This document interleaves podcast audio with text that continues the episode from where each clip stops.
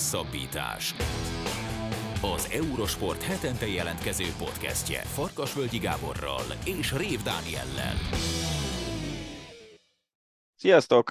Ez a Hosszabbítás Podcast 68. adása, amelyben két fő témánk az Eurosporthoz kötődik, hiszen az első részben Balázs Boldizsárral beszéljük meg azt, hogy mi történt a Vivo világbajnokságon, elsősorban a magyar kardozók szép sikereire fogunk visszatekinteni, aztán pedig Bodnár Gergővel beszélgetünk a Tour de France-ról, ahol Jonas Vingegor személyében egy olyan versenyző nyerte az összetettet, aki néhány éve még abszolút ismeretlen volt a mezőnyben, a Jumbo Visma pedig csapatként dominálta a versenyt. Aztán beszélünk a Jumbo Vismáról a Ácsi rovadban is, mert hogy a holland sajtó szerint Walter Attila a holland csapathoz fog igazolni, de szóba kerül az, hogy Gera Zoltán a sikertelen eredmények ellenére maradhatott az U21-es válogatott szövetségi edzői posztján, miközben Merc Tamás nem maradhatott a vízilabda válogatott szövetségi kapitányi posztján a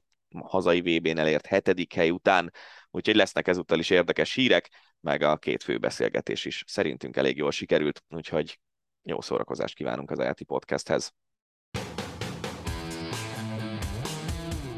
Olimpia.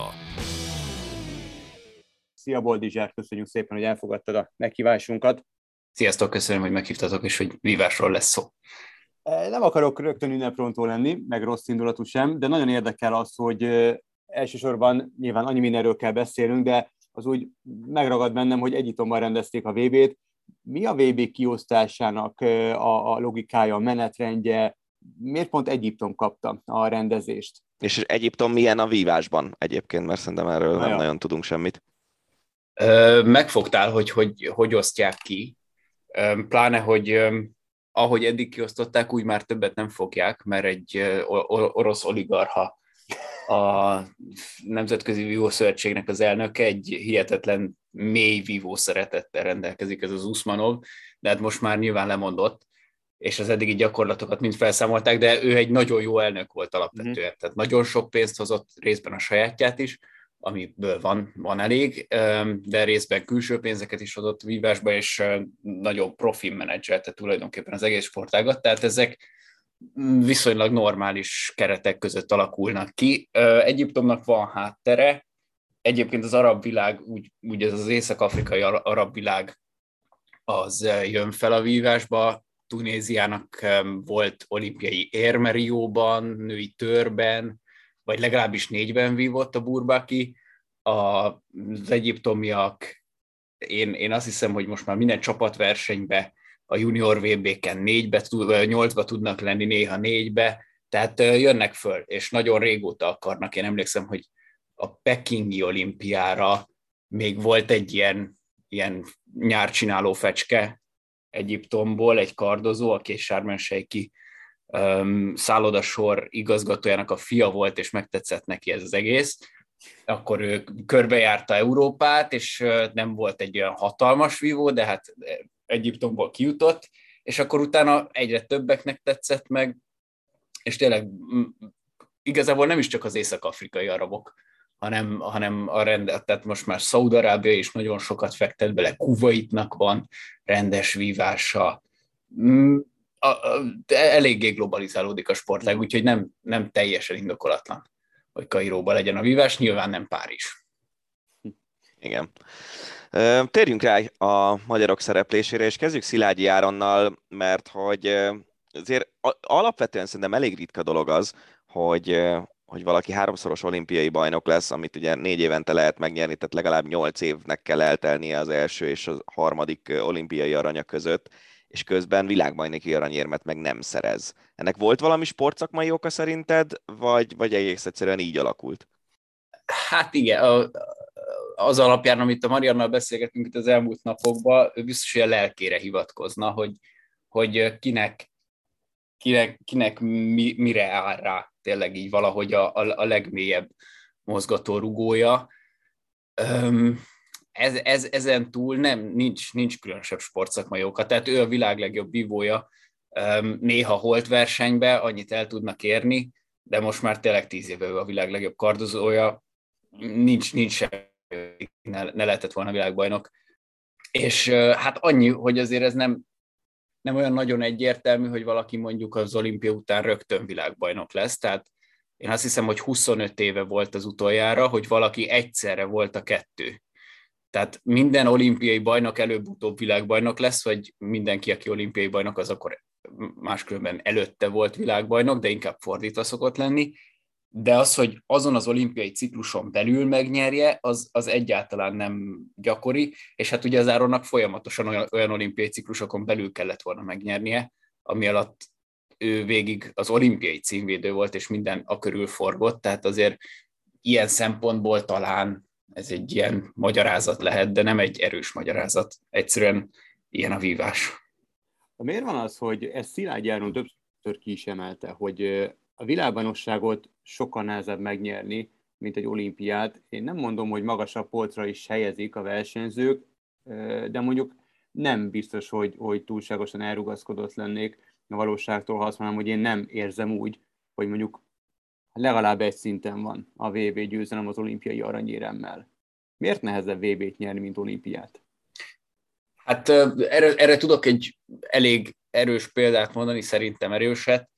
A Riói olimpián nem volt ott az oroszok egyik világbajnoka, aki az, abban az olimpiai ciklusban olimp, VB-t nyert.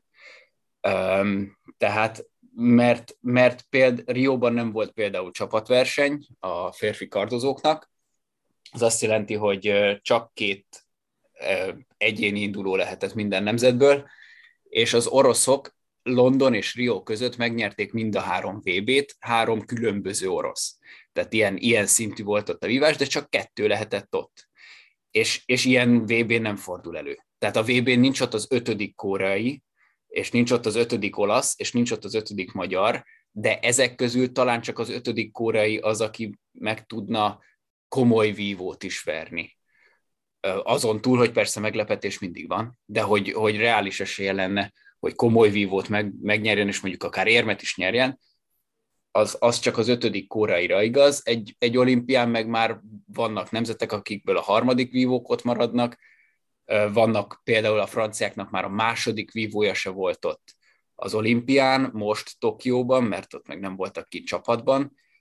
Tehát egy kicsit, kicsit hiányosabb a mezőny, mondjuk cserébe tömöttebb, tehát egy olimpia négyben nem szoktak kakuk tojások lenni. Uh-huh. Egy világbajnoki négyben, ahol ugye egy 64-es táblát vívnak végig, és ott um, alakul, ahogy alakul a sorsolás, ott um, például itt most egyéniben ugye hat egyéni szám van, én azt mondom, hogy egy darab olyan egyéni szám volt, ahol nem volt kakuk tojás a négyben, ahol, ahol tényleg négy világklasszis volt ott, férfi törben. A másik a másik öt számban, ott mindegyik elődöntő, az kb. Volt, volt egy olyan elődöntő, ami így előre lefutott volt, aztán persze azt sem mindig olyan könnyű megnyerni, de szerintem ez a nagy különbség. Szilágyi Áronra, hogyha gondolsz, akkor uh, nyilván a vívására elsősorban, akkor mi az, ami őt kiemeli a többiek közül? Mi az, ami miatt nyugodtan kijelenthető, úgy is, hogy csak most lett világbajnok idézőjelben, hogy az elmúlt tíz évnek ő a legjobb férfi kardozója? Mindent tud. És, és, és nem csak mindent tud, hanem mindig tudja, hogy abból a mindenből melyikhez kell nyúlnia. És ennél több talán nem kell. Tehát nagyjából ezzel szoktak a világ legjobbjai lenni, vagy mert hogy a történelem legjobbjai lenni szinte minden sportágban, úgyhogy mm, tényleg nem, nem, nem, nem lehet belekötni. Ne, um, igazából az egyetlen, amit nem csinál, hogy ne, hát bár ez is határeset, hogy nem vált paradigmát. Tehát az az Oksanguk, aki a címvédő volt, a koreai, aki kiesett a négybe, a négybe jutásért, hatalmas meglepetésre, ő, ő valószínűleg meg is fogja változtatni azt, amit a kardvívás jelentett száz éven keresztül, azzal, hogy gyakorlatilag spárgába közlekedik a páston. Ezt láttuk a, a csapat, csapat döntőben, ugye ő a koreaiak fejező embere, aki még a budapesti vb is megfordította a fejező asszóját az Áron ellen, ugye amikor 44-re kaptunk ki uh, Koreától. Hát az, az, az, az is egy olyan csávó, aki mindent tud, de ő mondjuk nem mindig tudja, hogy melyikhez nyúljon, és el is rontotta a VB-t, és a, ezt, és elrontotta az olimpiát tavaly. Ez az Áronnal nincs. Vagy hát fordult már elő, de, az, de sokkal kevésbé. És ez miért van Boldizsár, hogy most remélem, hogy senki nem veszi rossz néven, hogy a Szilágy Áronon kívül más nem igazán jegyzett jó eredményt egyéniben ezen a VB-n, a férfi kardozók közül, ugyanakkor csapatban mégis a ezüstérmet nyertek, tehát miért nincs még valaki, aki, aki föl tud nőni Szilágyi Áron szerepléséhez, és legalább eljut 8-ig, 4-ig, és ezzel párhuzamosan csapatban is marha jók vagyunk. Tehát miért van az, hogy csapatban eljutunk azért a döntőig, aranyat, ezüstöt nyerünk, legalábbis többnyire, de, de egyéniben általában csak Szilágyi Áron az, akitől várhatjuk az egyéni eredményeket, az igazán kiugró er-, egyéni eredményeket. Már hogy a férfi kardon belül, úgy érted? Igen, igen, igen férfi kard, abszolút. Igen. Hát ennek nagyon egyszerű oka van, szegény Szatmári András, aki szintén egyéni világbajnok öt évvel ezelőttről, uh-huh. Ebbe a szezonban négyszer vívott az Áronnal, és uh-huh. mindig a 16-ba. 16-ból a 8-ba. És minden négyszer kikapott. Én azt gondolom, hogy Budapesten nagyon nagyon kevéssé fair bíráskodás mellett, tehát ott, ott, ott nagyon tisztelték a háromszoros olimpiai bajnokot az áronban. Valószínűleg egyébként is megnyeri ezt az asszót, de azon iszonyatosan felmérgelte magát. A, a Szatyi, hát hallatszott, hogy elvonultak, és a, a, a backstage-be pillanatra pontosan hallatszott, hogy mikor vágta oda melyik felszerelését. Azt um, úgy Áron is tudta, hogy ott, ott azért egy kicsit lehetett a pálya neki, ahogy mondod? belülről, belülről sokkal kevésbé van úgy, Aha. hogy lejt. Mert a kardvívás mindig olyan, hogy hát én akarok valamit csinálni, és azt megcsináltam jó rosszul, de hát ugye az áron azért rosszul szinte soha. Uh-huh. Tehát én azt megcsináltam, hát végül is én mindig meg tudom indokolni, hogy én miért kaptam a tust, csak ugye uh-huh. az, vagy hogy én miért adtam a tust, tehát én miért kaptam a pontot, de, de azért az kívülről nem mindig úgy van. Uh-huh. Tehát be, belül, belülről csak az echte csalás az, az amit érzel, hogy hát most, most itt úristen, nem is én adtam, és, és mégis én adtam, de az nagyon ritka. Inkább csak az, hogy, hogy mindig az én érzésemnek megfelelően mutatja a zsűri, az persze egy idő után, mm, hogy mondjam, bűzölhet, de ez nem, nem szükségszerű, meg nem fontos ezzel foglalkozni ebbe a 15 túsba, tehát ki is kapna, aki, aki ilyenen járatná az agyát. Na mindegy, szóval, hogy a, Szatyi, hát a Szatmári András négyszer kapott ki ebben a szezonban az Árontól, és például itt a világbajnokságon is a negyed döntőbe jutásért. Ez volt a legsimább asszoljuk, itt, itt nem, nem nagyon volt kérdés, hogy az Áron majd azt hiszem 15-9-el ment a legjobb 8-ba. Uh-huh. De van, tehát a, igazából mi nem egy, egy, emberes csapat vagyunk, hanem egy két emberes. Uh-huh és, és két emberes csapat, tehát annál, annál tovább csak a koreaiak jutnak, akik négy emberes csapat. A koreai padon egy egyéni világbajnok ült végig a, a, a mostani világbajnoki döntőbe. Tehát, de, tehát ezzel a csapattal nincs, nincs, nincs mit kezdeni. Én nem tudok még egy ilyen csapatot mondani. A, a, az amerikaiak nem szoktak ilyen 4x400-as futóváltókat kiállítani, mint a, mint a koreaiak vívó csapatot, nem, talán, talán az amerikaiak úszó vegyes váltó, vagy valszal, mhm. ez, ez, ez, ez a kategória, 11 mhm. a negyedik legjobbjuk, 11 a világranglistán. Az szép. Ami, ami, ami azt jelenti, hogy csak az áron van előttük a magyarok közül. Kemény nagyon. Na, térjünk rá akkor a számunkra kedvesebb kard csapatversenyre, a lányokra. Mondhatjuk, hogy ez azért egy komoly meglepetés volt, és, és nem nagyon sok pénzt tettek volna akár csak a, a magyar női karcsapatot legjobban ismerők arra, hogy ez a csapat itt világbajnok lesz? Igen, igen, nagy, nagy, nagy meglepetés volt. Azt lehetett tudni, hogy valaki olyan lesz a világbajnok, aki egyébként nem nagyon lehetne, mert nem voltak itt az oroszok, akik tulajdonképpen verhetetlenek ami persze nem azt jelenti, hogy sose kapnak ki a vívásban, de előzetesen az oroszok mindig verhetetlennek tűnnek. Ugye az elmúlt két olimpiai döntőben, női kard döntőben egyéniben házi oroszasszó volt, ők a világbajnoki címvédők, ők az olimpiai bajnoki címvédők, csak hát oroszok. de olyannyira, hogy még az orosz országból elvándorló oroszok is azeri színekben, meg ilyesmi, az például a világranglista vezető. Nem, nem, nem tudom elképzelni, hogy megverte volna bárki az oroszokat, ha itt vannak, de nem voltak itt, és innentől nyílt a, nyílt a mezőny előtt egy lehetőség, hogy egyszerűen világbajnoknak érezze magát innentől 60 évig. És azért ez nem, ez nem akármi, a, a, ami leginkább kellett hozzá, szerintem onnan indult meg, hogy a, hát egyrészt, hogy a koreaiak elrontották, és a legjobb, négybe, a legjobb nyolcba se jutottak be, világranglista másodikként, úgyhogy a negyed dönt, az elődöntőben könnyű dolgunk volt, de a negyed döntőt kellett leginkább megnyerni az olaszok ellen, akik előttünk voltak rangsorolva, mi voltunk a hetes, ők pedig a kettes, vagy mi a hatos, és ők a hármas, szóval valami ilyesmi, és úgy is kezdték az olaszok, ahogy, ahogy ennek megfelelő, csak aztán cseréltek egyet a magyarok, és beállt Battai Sugár, aki ugye egy éve Tokióban minden idők legfiatalabb magyar vívó olimpikonja lett, még 18 se volt, még nem érettségizett, és már olimpián vívott, és idén pedig megnyerte a junior világranglistát, az évvégit, beállt, és lekardozott egy 11-1-et az egyik olasz, elég komoly olaszon, és onnantól a lányok mindent elhittek. És ez, ez, ez fölülír mindent szerintem női kartban, hogyha, hogyha hisznek az akcióikban. Ugye a csapatból hiányzott az a Márton Anna, aki, aki a legmagasabban jegyzett karvívó Magyarországon. Ugye babája született, úgyhogy most a babával van otthon. Az ő távollétében azért milyen eredményre vártál? Tehát most nyilván az eredmény ismeretében ezt már nehéz így, így, így megmagyarázni, meg beszélni róla talán, de mivel lettünk, vagy lettetek volna ti szakemberek elégedettek a magyar válogatottal kapcsolatban Anna hiányában? Hát ugye a cél mindig, hogy jussanak ki az olimpiára, és uh, ehhez azért minden VB-n illik negyed döntőbe lenni, és aztán utána egyszer, egyszer megkarcolni a négyet, meg néha a döntőt.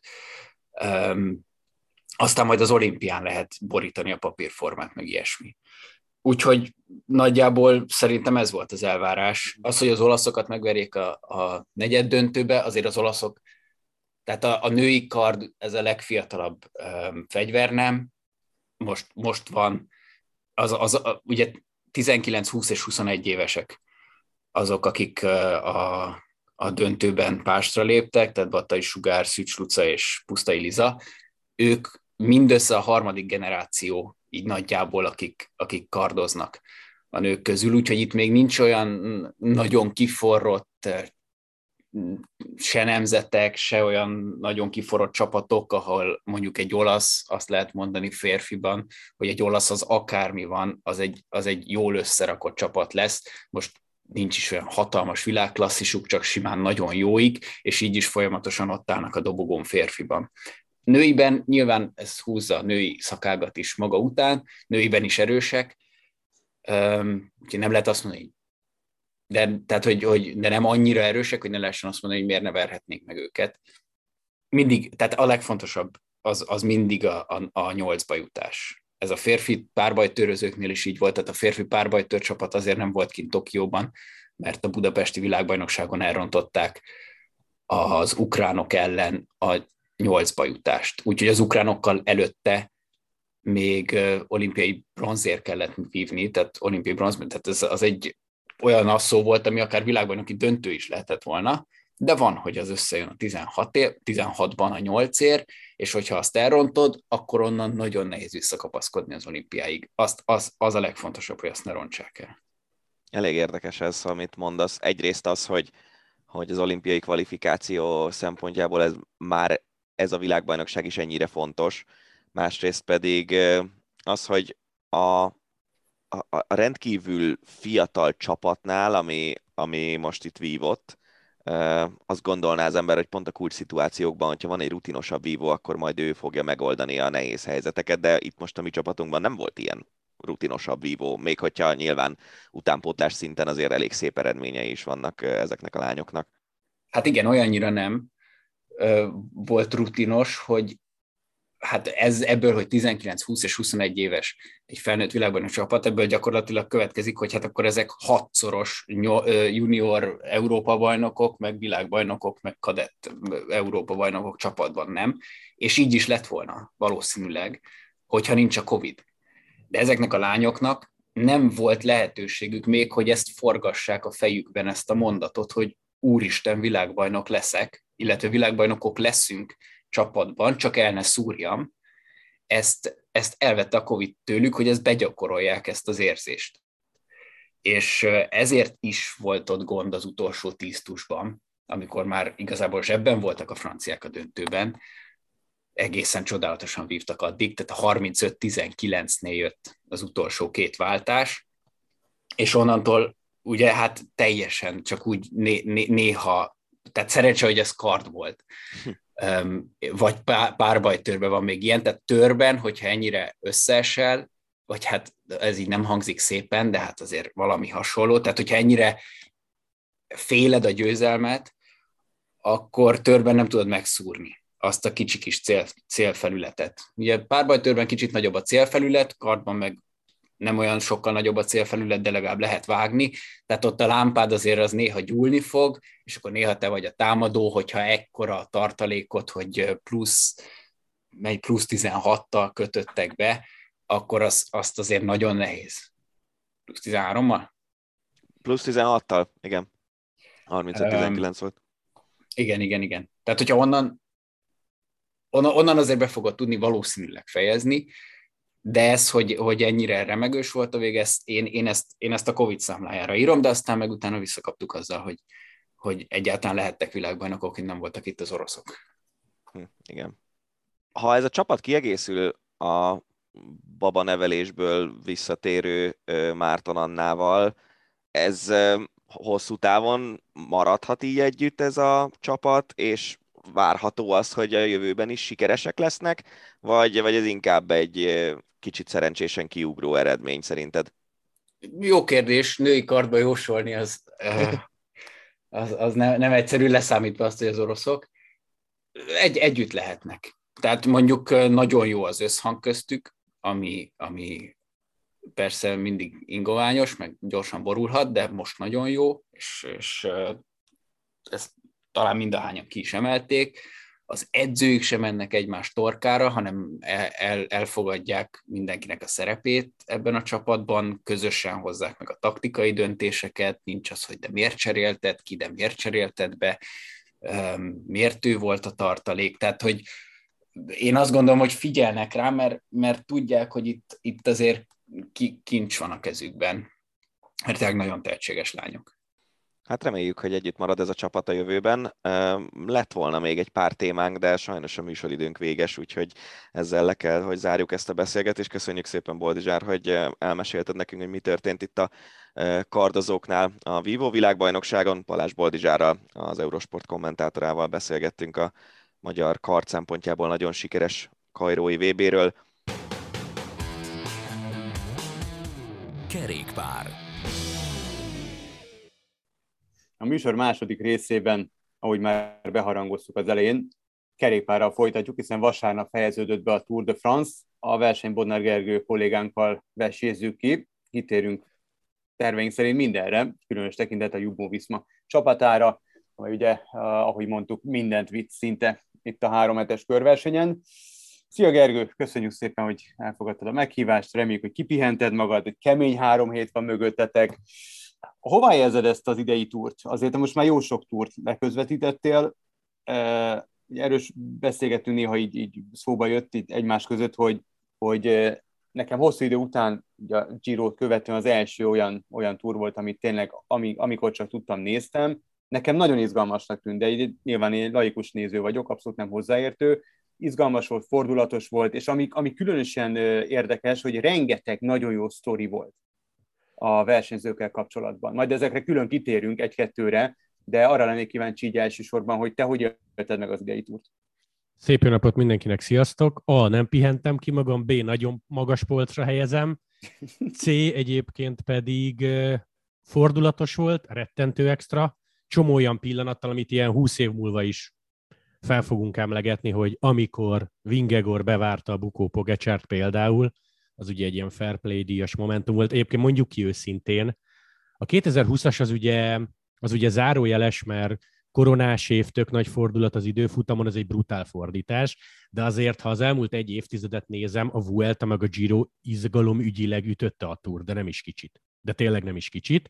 Most viszont az elmúlt három évben volt két nagyon-nagyon izgalmas verseny, és nekem azt tetszik a legjobban, hogy rengetegen a verseny elején, amikor Pogacsár sárgában volt, és egymás után kettőt nyert, bedobta azt, hogy úristen, miről fogunk beszélni, úristen, de unalmas lesz, sima Pogacsár, megvan a harmadik zsinórban, aha, aztán kiderült, hogy ő is verhető, meg ő is ember. Egyébként teszem hozzá, nem véletlenül írták ezt sokan, mivel Tour de France-on hegyen komoly gyengesége Pogacsárnak, sőt, megkockáztatom, amióta profi az ember, 23 éves amúgy, hegyen, komoly hegyen nem volt gyengesége, szóval nem véletlenül írtad ezt, vagy gondoltad ezt. A lényeg a lényeg, hogy kiderült azért, hogy ilyen 7.-8. szakasz környékén Tour de France még nem nyernek. Igen, de ott ilyen, legalábbis még egyszer mondom laikusként úgy tűnt, hogy erődemonstrációt tartott, tehát úgy ment el, mint a gyors vonat. A, tehát lehet, hogy joggal hitték azt a, a hozzám hasonló laikusok, hogy na hát akkor ennyi volt igazából, és a hátralévő szakaszok mehet a kukába az egész. Hát igen, mert amikor mindig azt mondod, hogy három hetes a verseny, és spórolni kell a legfontosabb részre, az utolsó egy-két hegyi szakaszra, akkor egy 800 méter hosszú, 7%-os dombon, ami az őszintjükön nem durva emelkedő, azt nem nyerje már meg Pogacsár, vagy hova támad, vagy minek megy a bónusz másodpercekre, gondolhatnád. Aztán egyébként a hetedik szakaszon volt az első nagy hegy, ez a Super Planche de Belfi, amit, ahol ugye az utolsó pillanatban kikerült a Vingegort. Szóval, hogy nem ment energiatakarékosan, mondják sokan, és ez üthetett vissza, mondják szintén sokan, de egyébként pedig ugye ott a másik oldal, hogyha erős vagy, és rámehetsz a másodpercekre, akkor miért nem menjél a másodpercekre. Szóval egyébként tudsz pro meg kontra is mondani dolgokat, hogy hogy ment, vagy hogy tekert ő az első héten. Szerintem attól ijedtek meg sokan, hogy már, hogy már egy dombon is támad, és egy dombon se tudnak vele menni, bár az alapgyorsaságát azért ismerjük neki. Szóval nem volt ez olyan, nem volt ez olyan meglepő. Szerencse, hogy jött egy fordulat, mert én azon gondolkoztam tényleg ilyen full semlegesként, hogyha Pogacsár ezt, ezt a túrt elviszi simán és nyeri a harmadikat, akkor nagyon sokan elkezdtek volna fanyalogni, hogy megint egy korszak, nem lehet hozzányúlni, és milyen unalmas túrunk lesz. Őt szerintem ez a veresség most felhúzta egy picit, és azt mondta, hogy pár kisebb hiba volt, nem kijavíthatatlan hiba szerintem, most ezt nyilván nem részletezte, de hogy őt, őt ez felhúzta, biztos, hogy motiváltan jön majd vissza 23-ra. Úgyhogy mi, mi nézők szerintem ezzel nyertünk, hogy nem, ő, nem az övé lett a sárga. Ugyan tényleg elég egyértelmű, hogy végig nagyon izgalmas volt a verseny, de az összetett maga az, az leginkább egy szakaszra vezethető vissza, hogy miért úgy alakult, ahogy. Ez a Col du Granonos befutó, ahol ugye közel három percet kapott Vingegortól Pogácsára az utolsó emelkedőn, úgy, hogy már 60 pár kilométerrel a vége előtt elég rendesen dolgozta őt a, a Jumbo Viszma, és csapatként egyértelműen erősebbnek bizonyult a, a Pogácsár féle UAE-nél. Ott az a megzuhanás a Pogácsárnak, az mire volt visszavezethető? Ö, étkezési problémák, egyszerűen túl sok támadásra reagált, mi, mi az, ami miatt ott ennyire megrogyott? Az az ember, akit hegyen azért korábban nem nagyon szakítottak le. Ez a kettő, amit mondtál, meg talán a túlzott magabiztosság. Az eléhezést amúgy ő nem mondta ki, egy ilyen határozott talán volt erre a válasza. A túl sok támadás pedig, azt úgy értsétek, ezt utólag valaki kiszámolta a Twitteren, nyolcszor támadta be őt a Jumbo, még egyszer mondom, 60 kilométerre vagyunk a befutótól, és négyszer támadott ő maga. Ezek ilyen 20-30 másodperces erőkifejtések voltak. Most gondolj bele, az 12 darab ritmusváltás úgy, hogy hátra van még 60 és egy hegyi befutó. Az a Granon egyébként, ami nem híres túr történelmileg, 86-ban amúgy Bernardino megzuhantott, és lehet, hogy ezt 30 év múlva így fogjuk emlegetni, hogy ahol a hegy, amit másodszor használt a túr, és ahol Pogacar megzuhant. Szóval igen, túlzott magabiztosság az lehet, könnyen elképzelhető, hogy nem kellett volna mindenre és mindenkire reagálnia, de érted, amikor nem történt még veled rossz hegyen, amikor nyerték két szakasz, sárgában vagy, és tényleg gond nélkül átveszed 12-szer, sőt 8-szor, és még négyszer beletámadsz, akkor miért ne vedd át? Egyébként Roglic volt itt a kulcs, mert ugye ő az ötödik szakaszon, amikor voltak kövek esett. Mondhatnánk, hogy szegény Roglic sok, szokás szerint elesett, mert ez azért vele gyakran előfordul, de nem szállt ki. Utólag kiderült, hogy csigolya repedés vagy csigolya törése van, plusz egy néző székébe ült le az útszélén, és tette helyre a saját vállát, azért kapott két percet többek között. Na de Roglic nem szállt ki, és Roglic akkor azon a szakaszon, a Granonon, kerekítve mondom a számot, három percre volt. Tehát közvetlen életveszélyt jelentett. Most utólag lehet okoskodni, hogy minek ugrasz Roglicra, aki valószínűleg sérül, de akkor nem tudhatod. Ha Roglic mondjuk megy egy hatalmasat, hazaér, és átveszi a sárgát, akkor meg azért kezdik el csesztetni Pogacsert, hogy miért nem ugrott. Szóval jött ez picit a magabiztosságából, és szerintem egyébként ez egy zseniális sztori, amit mondtál egyébként, Faga, hogy tele volt történetekkel a túr, hogy, hogy a Jumbo évek óta Roglicsal próbálja megnyerni a sárgát. Tavaly is bukott. Ugye úgy lett Vingegóra második, semmiből gyakorlatilag beszállva. De ha, de ha Roglicot nem támadja be párszor Pogacsert, lehet, hogy ez a Granonos szakasz teljesen más. Magyarul Roglic benne volt ebben a sárgában, úgyhogy aztán pár nappal később kiszállt, sőt, jelenlegi tudásunk szerint a Vuelta részvétele is necces. Szóval szerintem ez egy hatalmas sztori, hogy, hogy ez a két srác, akiről azt hiszed, hogy mindent megtesz azért, hogy kiemelt ember legyen, tök jóban van. És állítólag volt egy nagyon őszinte beszélgetésük a túrt megelőzően, amikor kitalálták a taktikát, és ott mindenki elmondhatta volna, hogy beállok a sorba, vagy nem, és mindenki beállt a sorba. Ezt az újságírók nyilván nehezen dolgozzák fel, hogy mi az, hogyha te hátrányba kerülsz, beáll segíteni, és lemondasz a sárgáról, de hát itt van egy alapintelligencia a két srácnál, és Roglic utána tartotta a szavát, és be is állt segíteni.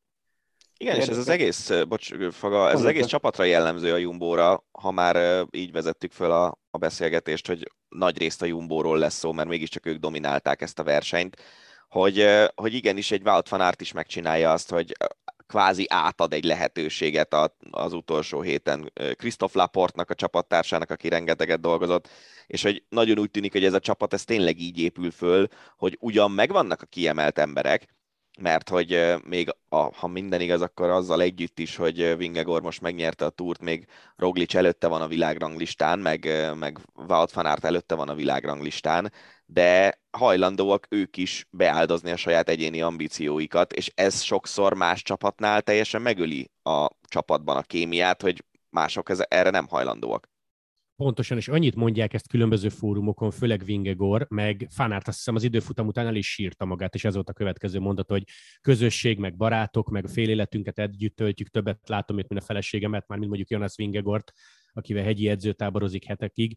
Szóval ezt igazából szerintem akkor tudnánk megérteni, ha ott lennénk velük, de valószínűleg itt van egy olyan közösség, meg még egyszer mondom, egy alapintelligencia, hogyha ő nyer, akkor én is nyerek, ami nem gyakori, meg hát így azért ugye egóból vissza kell venni, meg hátrébb kell lépni, szóval, szóval e, valószínűleg ez lehet az egyik titok a Jumbo-nál, a profizmus mellett, de ez nagyon fontos egyébként, meg szerintem ti is tudjátok, hogy most mit, hogy tök jó haverért kell dolgozni, vagy tök jó haverral kell órákat együtt tölteni, ez nem ugyanaz, mint azzal, akivel, akit mondjuk nem szeretsz. Nyilván egy barátért jobban dolgozol, vagy őszintében dolgozol. Kerékpársportra jellemző ez, hogy tudjátok azért nagyon sok sportában kiemelhetünk korszakos csapatokat, NBA, a, a, a Jordan féle Bulls, vagy a galaktikus Real Madrid, vagy most nem kezdem el sorolni, de a kerékpársportra jellemző, hogy vannak ilyen leg-leg csapatok. Tehát, hogyha most megnézzük a Jumbo-t, itt azért nagyon komoly egyéniségeket, nagyon komoly versenyzőket tömörítettek össze egy csapatba. Lehet ilyen valaha volt legjobb csapatként beszélni erről a Jumbo-ról? Egyáltalán volt ehhez hasonló összetételű, hasonlóan sztárokkal teletűzdelt csapat? Hát volt egyébként simán beszélhetünk, mert ha, ha nincs a Sky vagy az Ineos előttük, akkor nincs a Jumbo, mert pár éve volt egy olyan nyilatkozatuk, hogy meg akarjuk őket előzni, tehát volt példa akiket, akikhez fel kellett érni, meg akiket meg kellett előzni. Egyébként szerintem a közelmúltból három sor jut eszedbe egyértelműen, tehát a Lens-féle US Postal vagy Discovery, aztán a Froome-féle Sky, amely ugye a nyeregetett, de messze nem ilyen látványosan, meg ott tényleg csak egy cél volt, meg most a Jumbo. Ez, ez viszonylag rövid válasz. Vannak egyébként ilyen fellángolások, Asztalának volt brutális időszaka, Bahreinnek volt nagyon durva időszaka, de az, hogy ilyen egyéniségek együtt, és gyakorlatilag nyersz, én azt mondom neked január végétől, február elejétől októberig, kb. mindenhol egynapos, egyhetes, és nagyon sok különböző versenyzővel az nem gyakori. Meg a Jumbo-ban szerintem az a nagyon érdekes, hogy hogy, hát erős lesz a kifejezés, de hogy kukázták össze ezt a keretet. Hát, hogy azért Vingegorról Persze jó sztori ez a, ez a halfeldolgozóban dolgozott még öt évvel ezelőtt, de ez konkrétan így van, és mondjuk négy éve senki nem mondta azt, hogy Vingegor majd egyszer túrt fog nyerni. Lehet, hogy még két éve sem Primoz Roglic ugye egy junior, azt hiszem világbajnok síugró volt, aki a síugró pályafutását egy nagyon csúnya bukás után félbehagyta, elkezdett edzegetni, és ő is a sikerei előtt két-három évvel még a, abban az Adria mobilban tekert, ahol most Filutás Viktor révén van egy magyar versenyző, és azért onnan se sok túrgyőztes, meg Vuelta győztes került ki, és ugye Fanárt pedig elsősorban ciklokrosszos volt, és azt lehetett tudni, hogy ő azért szuper tehetséges, de érte például óriási küzdelmet vívott a Jumbo Viszma, és még ha minden igaz, a mai napig zajlik egy bírósági ügy Fanárt korábbi csapata és a Jumbo között. Tehát itt azért ők olyan versenyzőket szedtek össze, akik, akikről nem lehetett tudni előre, hogy ez lesz belőlük, szerintem.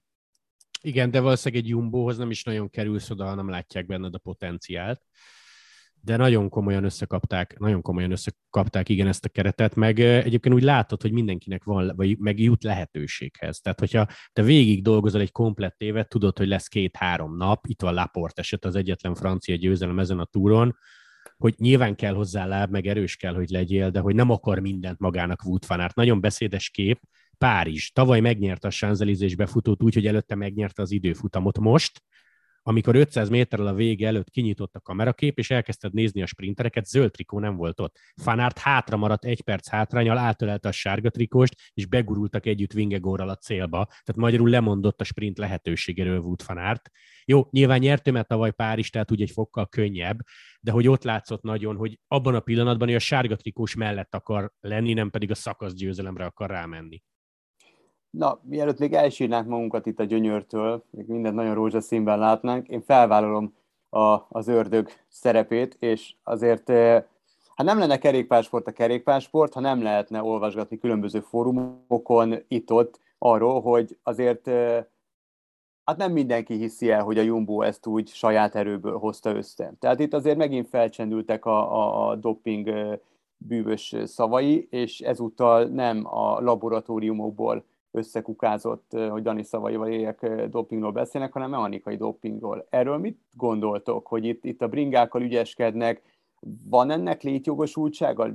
Ez, ez, ez megint, megint egy olyan korszak kezdődik, amikor, amikor, amikor úgy csinyán kell bánni ezekkel az eredményekkel, és, és lehet, hogy megkapargatják majd, és nem biztos, hogy, hogy, hogy el kell hinni, vagy, vagy nyilván elhiszük, mert látjuk, de tehát, hogy visszafogottan kell beszélni egy-egy ilyen szuper túról, szuper versenyről, szuper teljesítményről?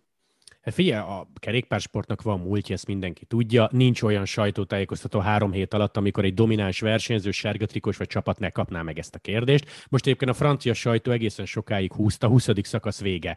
Akkor kapta meg először Fanárt konkrétan ezt a kérdést ő egy ilyen, a sheet jelzőt használt angol, hogy minek kell ezt a színvonalú kérdést feltenni. Vingegor egyébként tök korrektelül válaszolt, ugyanezt mondta, hogy megértem, kérdezetek, mert van múltunk. Egyébként Vingegárról annyit, hogy 96-ban született, akkor, amikor Rész nyert utolsó dánként, tehát ahhoz a korszakhoz nyilván mi köze. Egyébként pedig kérdésedre a, a buta meg közhelyes válasz, hogy nem vagyunk ott, nyilvánvalóan. Ami gyanúsá teszi az egészet, talán az, hogy már amikor az UCI elnöke elindult ezért a posztért. Lapartien úr az egyik fő ilyen kampánypontja az volt, hogy küzdök a kis motor ellen. Na most, ha mezőnyön belül nincsenek plegykája, akkor ezt miért tűzött ki?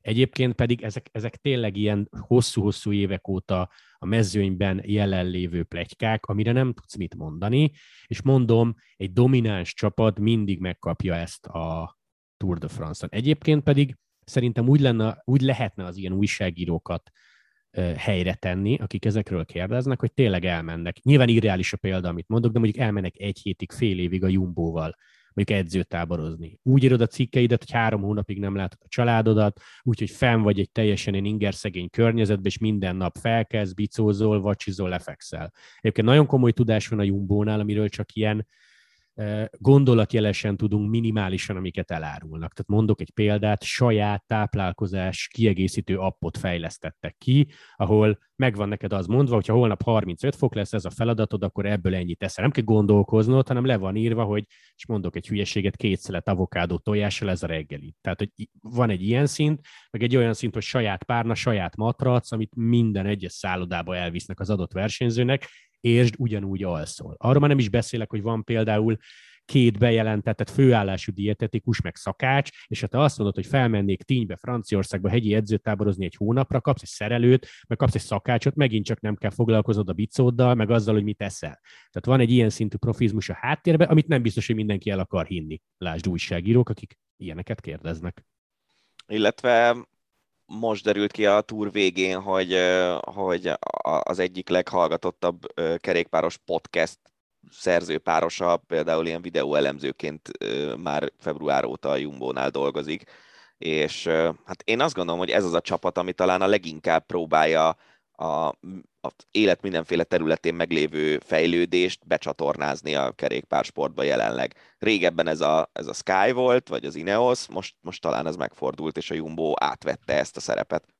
Igen, meg ne felejtsétek el, és ez nem saját gondolat lesz, hanem Lanti, akivel közvetítettük a túrt. El tudjátok azt képzelni, hogy valaki mondjuk ollózik két gólt a BL döntőbe, legyen a példa kedvéért Cristiano Ronaldo, sajtótájékoztató, és akkor megkérdezik, hogy Cristiano drága, neked mitől ilyen az emelkedésed? Nem gyanús egy picit? Hm. Érted? Tehát, hogy nyilván azért mondom, hogy a kerékpársportnak van egy múltja, itt alap a kérdés egy újságírótól, nyilván egy fociba, NBA-be, stb. Meglepő lenne ezzel, ezzel nekik együtt kell élni, szerintem ilyen önuralmat kell gyakorolni, intelligensen kell válaszolni, amúgy meg zárójel nem tudom, hogy egy újságíró ilyen esetben mit gondol, hogy Fánárt felteszi a kezét. Igen, uram, nagyon szépen köszönöm a kérdést, hatalmas lelki tehertől szabadultam meg, itt a bicóm hátul néz rá, kismotor van benne, szóval nem is értem egyébként ezt a színvonalú kérdést, hogy milyen választ vár az ember. Én meg azt nem értem, hogy, hogy igazából, de lehet, hogy borzasztóan naiv vagyok, hogy tehát ezek sokkal könnyebben kimutatható csalások, mint mondjuk egy, egy doping. Tehát, hogy a kismotort, vagy a, a, a mágneses kereket, tehát, hogy ezeket simán egy, egy, egy, egy eszközzel ki lehet mutatni. Tehát itt, itt sokkal nagyobb a lebukás veszélye, és sokkal, sokkal egyértelműbb, mint mondjuk egy, egy bármilyen növekedési hormon, mert ott előrébb tudsz járni, a, mint ahogy az orvosok vagy a doping ellenőrök járnak, ez viszont egy az egybe kimutatható, tehát egy kis motort nem tudsz eldugni úgy, hogy, hogy az arra ne jöjjenek rá. Hát erre meg az a válaszom, de még egyszer mondom, most előveszem a gonosz énemet, úgyhogy nem értek a témához. Földnevű bolygón élünk, ahol a pénz szó az viszonylag fontos, és ha azt akarod, hogy ne jöjjenek rá arra, hogy mi van a bicódban, akkor nem fognak rá. Persze, lefizeted az ellenőr, de hát, hogy érted, nem biztos, nem tudom. Gondolom, az nem egyértelmű, hogy mikor milyen ellenőrt jegyeznek ki egy ilyen, vagy jegyeznek elő egy ilyen vizsgálatra. Szóval nem tudom, mondom, megint lehet, hogy csak naiv vagyok, de mindegy, szerintem ezt a doping, vagy mechanikai doping témát kiveséztük. Um, szerintem menjünk inkább tovább, mert annyi mindenféle sztori történt a túron. Például az egyik kanadai a, a kerékpárosnak van egy elképesztő története, aki, aki végül szakaszt is nyert, de inkább Gergő mesél erről, mert szerintem ez a túr egyik legjobb, de biztos, hogy legszebb története volt idén.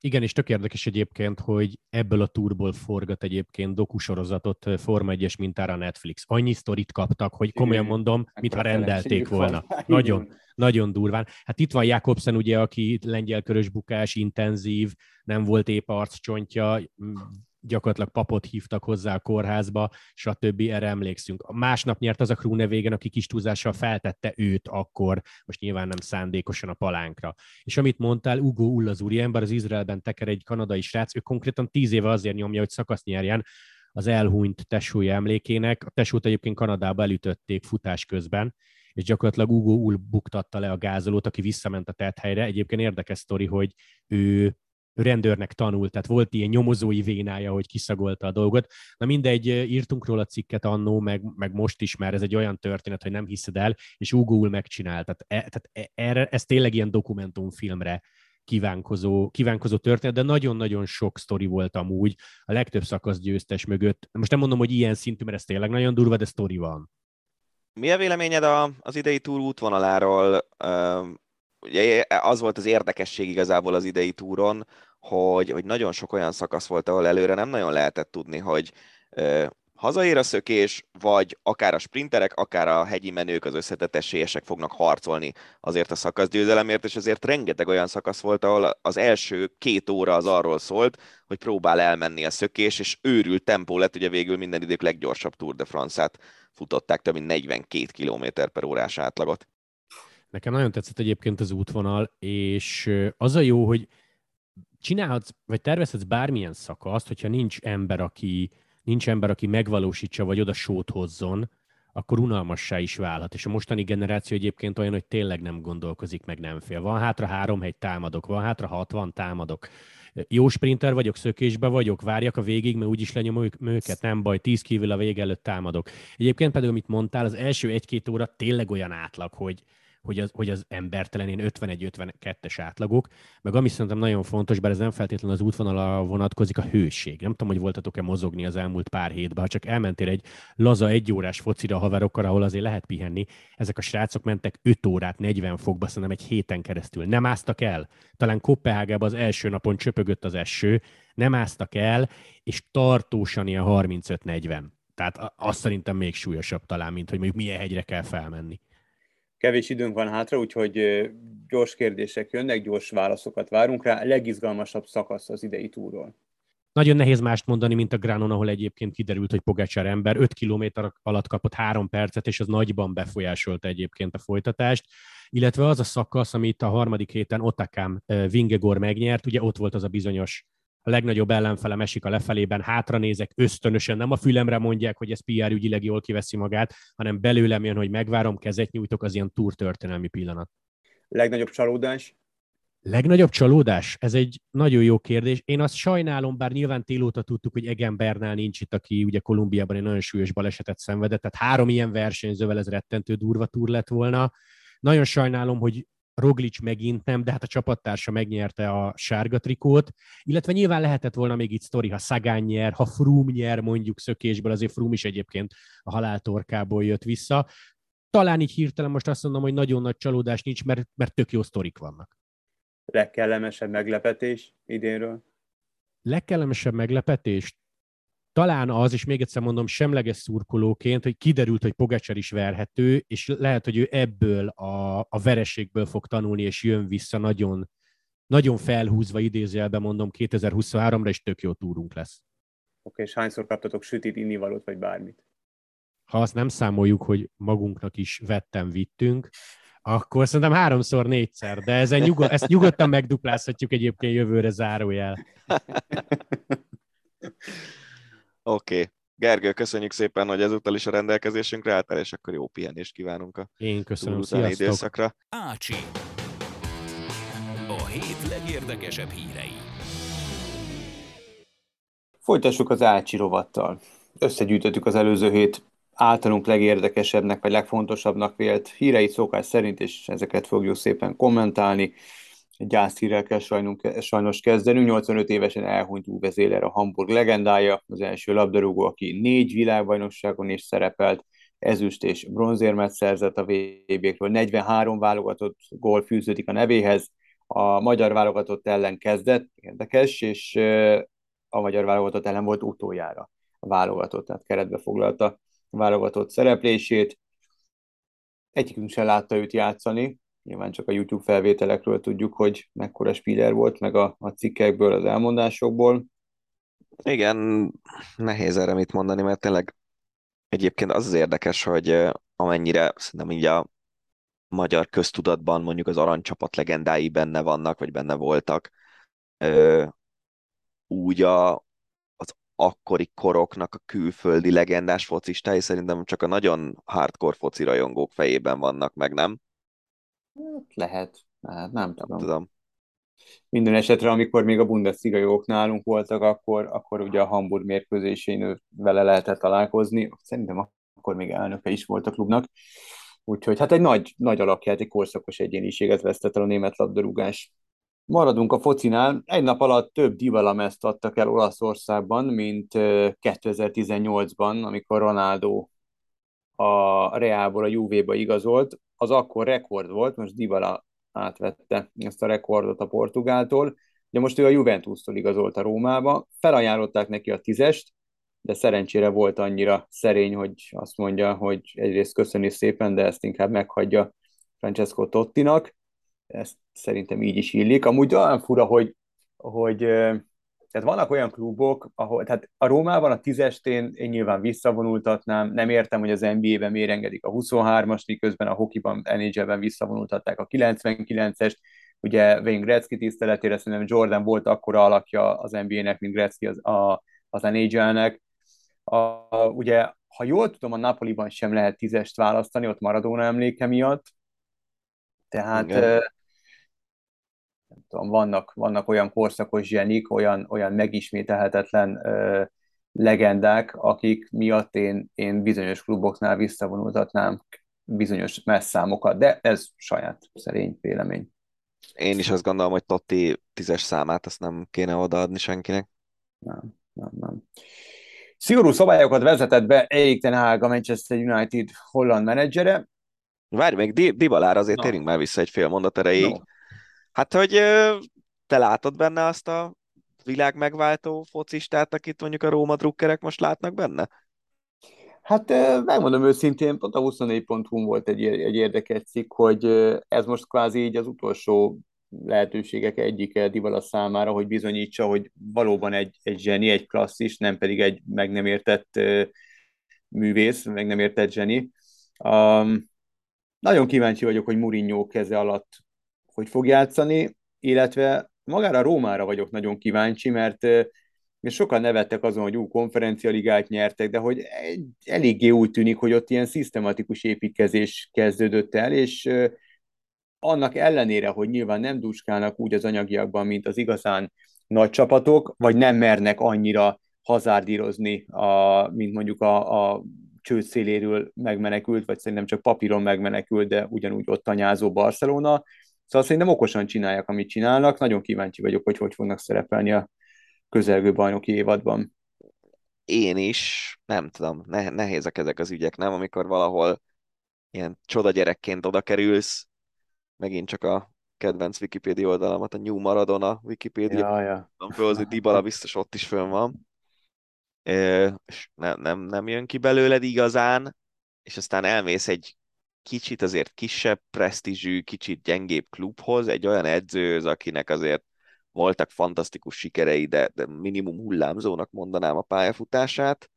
Uh, nem tudom, nem, ne, én, én nem hiszek ebben a projektben, de aztán lehet, hogy rám cáfol Dybala. Hát szerintem ez most Murinyónak is egy óriási hát lehetőség. Tehát ez egy ilyen, megint ugye a, a túrbeszélgetés alatt elhangzott, hogy erről a túról a Netflix készít egy dokút, tehát ez ilyen nagyon Hollywoodinak tűnik egyelőre. Tehát ebből simán csinálnék egy dokut, hogy hogy sikerül Mourinho és a Róma visszakapaszkodása. Azért a Rómának voltak elképesztő időszakai, ugye, amikor még Batistuta ott játszott náluk, aztán utána Tottival, meg, meg jaj, gyorsan akartam mondani a nevét, De Rossi. De Rossival, úgy de szerettem. Tehát, hogy azért voltak olyan idények, amikor a Róma igenis nagyon meghatározó tagja volt a szériának, sőt, Persze. az európai labdarúgásnak. Úgyhogy ez most, ez most eléggé a felé tendál, legalábbis az előjelek a felé mutatnak, hogy itt valami nagy dolog vágta a fejszéjét a, a klubvezetés Mourinhoval együtt, úgyhogy én drukkolok ennek a projektnek, mert ahogy a Róma nekem mindig szimpatikus volt az olasz fociból. Jó. Na United, szóval Erik Ten Hag, a United új holland menedzsere komoly, szigorú szabályokat vezetett be. Meccs nincs alkohol, rendszeres súlyellenőrzés van, nincs magánszakács, ugye eddig ez is volt egy-két sztárjátékosnál, nincs közös étkezés közben mobilozás, ellenkező esetben pénzbüntetés jár érte, ahogy a késés esetén is komoly pénzeket kell becsengetni a, a, a klubkasszába, és nem lehet kibeszélni az öltözön belül elhangzottakat. Szerintem rá is fér egy ilyen szigor erre az elkényeztetett társaságra, ahol őrült összegeket keresnek, és a, a fizetésekkel párhuzamosan a mutatott játék és az eredmény az hát finoman szólva is elmarad. Nagyon kíváncsi vagyok erre a projektre, és ahogy kíváncsi vagyok Rómában, hogy hogy sikerül az ottani projekt, hogy kíváncsi vagyok, hogy United, illetve Manchester vörös részén hogy sikerül ez a projekt, mert bármennyire is furcsán hangzik, vagy, vagy, vagy idiótán, vagy bármi, de szerintem a, legalábbis számomra szükség, nekem szükségem van hogy a, arra, hogy a, a nagy csapatok úgy is szerepeljenek, ahogy azt a korábbi történetük során a, általában bizonyították. Nekem én nagyon szeretem a, a, a tündérmeséket a BL-ben, de sokkal jobban szeretem, amikor, a Manchester United még egy Bayern-nal játszik egy döntőt, vagy eljut a négyig, Azt a döntőt én is szerettem. Én azt kevésbé szerettem, de, de azt, jó, azt én, én szeretem, amikor, tehát én ezért nézem a, a BL-t, ezt lehet, hogy lehet ezzel nem egyetérteni, hogy, hogy, vagy egyetérteni, hogy, hogy én a nagy csapatok, a sztár csapatok összecsapását akarom látni, egy, egy Real és egy jó, egy jó Real és egy jó Manchester összecsapását, sorolhatnám még itt a, a nagy gárdákat, úgyhogy én, én drukkolok ennek a, ennek a Manchesteri projektnek. Um, hát én nem kifejezetten, mert a Liverpool kedves számomra, és ezért nyilván... Számomra, számomra is kedvesebb, nem arról van szó. Nem, de én, én, nem, én nem értek ezzel egyet, ezzel a dologgal. A Manchester United az évtizedekig egy nézhetetlen szarcsapat volt, aztán jött egy edző, akit majdnem kirúgtak, mert ő se tudott az elején mit kezdeni ezzel a nézhetetlen szarcsapattal, és aztán szépen felfejlődtek, és volt egy tényleg csodálatos generációjuk, ahol, ahol nagyon jó játékosok jöttek ki az utánpótlásukból elsősorban, és ebből lett egy kiemelkedő csapat. Ugyanez... a Barcelona szorja, nem? Nem, nyilván ez nem volt nézhetetlen, nem arra gondolok, csak az utánpótlással. De nem, a Barcelonának is voltak nagyon rossz évei, de mondjuk amikor egy elnyomó diktatúra rossz oldalán állsz, az, az ja, nyilván persze. megnehezíti az ember életét, ha a klub csapat vagy, meg ha ember vagy akkor is. Persze. Szóval én azt mondom, hogy, hogy el volt az európai foci Manchester United nélkül 30-40 éven keresztül. Én nem hiszem, hogy ne lenne el az európai foci Manchester United nélkül még 20 évig szerintem az, hogy inkább azt érzem rajtad is, hogy abban nőttél föl nagyjából, vagy a fiatal korodnak az volt a természetes velejárója, hogy a Manchester United ott van a BL-ben, és, és e, e, ezért ez a nosztalgia mondatja ezt veled. Nem? Lehet, de ugyanez igaz az Arzenára is, nézd meg, ott is egy borzalmasan szar, nézhetetlen játék, aztán jött Wenger, és, és egy, micsoda csapatokat csapott össze, te jó na, ég. Nagyon kedvenc. A legyőzhetetlen Arzenál, tehát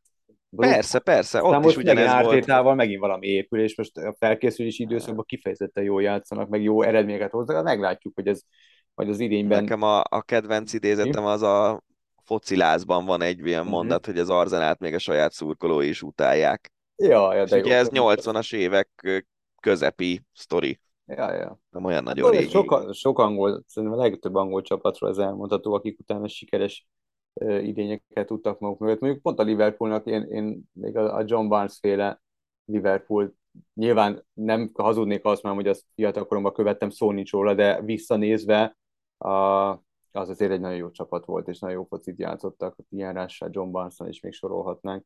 Na mindegy, a Portugál Labdarúgó Szövetség Fegyelmi Bizottsága négy portó játékot is eltiltott sportszerűtlen viselkedése miatt.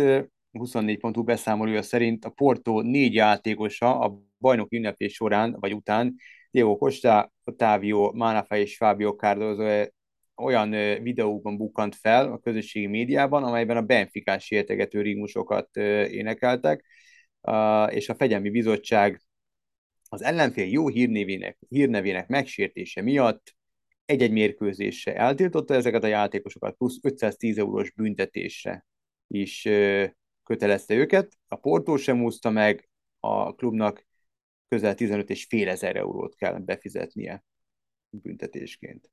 Hát? Azért hoztam ezt a hírt, mert azért ez más bajnokságokban is, és nem akarok pont rögtön a magyarral előjönni, ez más, más bajnokságokban is előfordul, de ilyen híreket én még nem hallottam, ilyen szankciókat, hogy az ellenfél uh, jó hírnevének a megsértése miatt büntetnének meg uh, más csapatokat. Nem ez tök jó. Legalábbis az üzenete tök jó ennek az egésznek.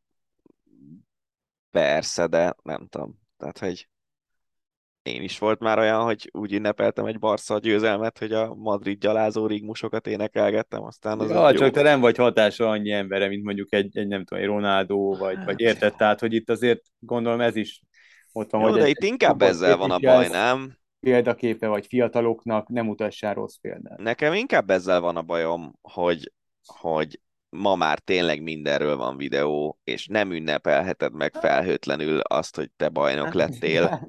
meg, ünnepelheted, csak ahhoz miért tartozik hozzá az, hogy elküld a káanyába, vagy, vagy éppen az ellenfelet, vagy az ellenfélnek az elnökét, Hát nem vagy, tudom, le- vagy lehet, hogy nem, klubot, nem tudom, le- hogy itt milyen, lepisáljad a mi volt szobrot. Emlékszel, konkrétan. volt egy ilyen hírünk is, emlékszel, hogy valamelyik szurkoló, nem tudom, mert Angliába történt valamelyik csapatnak a legendájáról készült szobrot oldalba pugyozta, mert Tudom, de az más, az, az, az, az közterületi szeméremsértés, az, az rongálás akár, tehát hogy az kimerít dolgokat. Most az, hogy Mm. nem, nem tudom, hogy pontosan mik hangzottak el, de mondjuk, hogyha ha van valami olyan portói szurkolók által énekelt dal, ami a Benficát szídja, és ezt valaki énekli bajnoki cím ünneplés közben játékosként, én ezt nem tudom igazából megvetni érte ezért.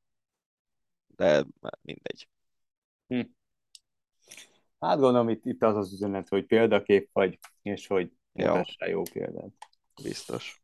Na jöjjünk a drága csapatoddal. Csávi a hírek szerint megkérte a Barca vezetőségét, hogy jövőre hozzák vissza Messit, ki akkor már szerintem a 36 vagy 37 éves lesz. A párizsi csapat, ugye a PSG két évre szerződtett az argentin, harmadikra opciója van a klubnak. Hírek szerint Messi azt kérte, hogy ezt a Katari VB utánig várjanak ezzel, hogy, tárgyalgassanak a folytatásról. Jean Laporta elnök a minap azt nyilatkozta, hogy Messi és a Barca között a közös történetnek még nincs vége, az még nem ért véget. Na, mit szólsz ehhez? Egyáltalán te szeretnéd vissza Messit, vagy most már ha már egyszer elment, akkor nézzük meg nélküle? Hát én nem tudom, hogy egy 37 éves messzivel mennyivel lesz beljebb a Barca. Hát maximum mentorként, aztán ki tudja, lehet, hogy most, most megint csak De ő meg, ezt már beszéltük, hogy ő nem, ő nem az a Szerintem sem az a, matéria. karakter, szerintem sem az a karakter. Én úgy gondolom. De nem láttam még soha, sajnos nem vagyok bejáratos a Barca öltözőjébe, úgyhogy nem tudom, hogy Messi milyen speecheket szokott ott nyomni, ha egyáltalán nyom bármit. Én, tényleg én, én, nem, én nem nézem ki belőle. A, a Borizű Hang podcastben Bede Márton mesélte azt a sztorit, hogy, hogy amikor Cristiano Ronaldo aranylabdát kap, akkor meghívja magához az újságírókat, meg a fotósokat, meg mindenkit, és egy ilyen nagy, akár több napos dzsembori lesz belőle, eszem, iszom, amit el tudsz képzelni, luxus minden.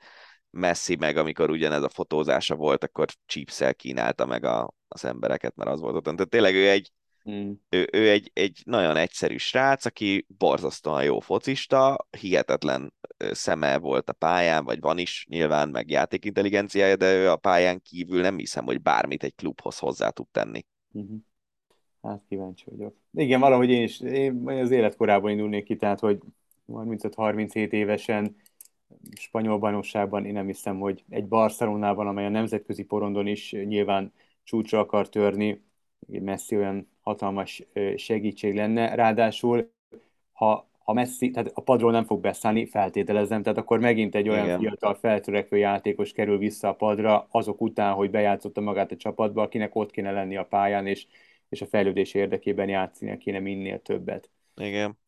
Na hát, ha Messi visszatérne a Barszába, most a hírek szerint Ronaldo visszatér Manchesterbe, és tárgyalni kezd majd a jövőjéről. Ugye a United nem akarja elengedni, Ronaldo viszont el akart menni, és körbehaknizta ügynökével, legalábbis a plegykák szerint fél Európát, és mindenhova beajánlotta magát, többek között a Bayern Münchenhez is, mert hogy a BL-ben szeretne játszani, sorozatban ez lenne a 20. idénye, hogy a BL-ben szerepel a portugál.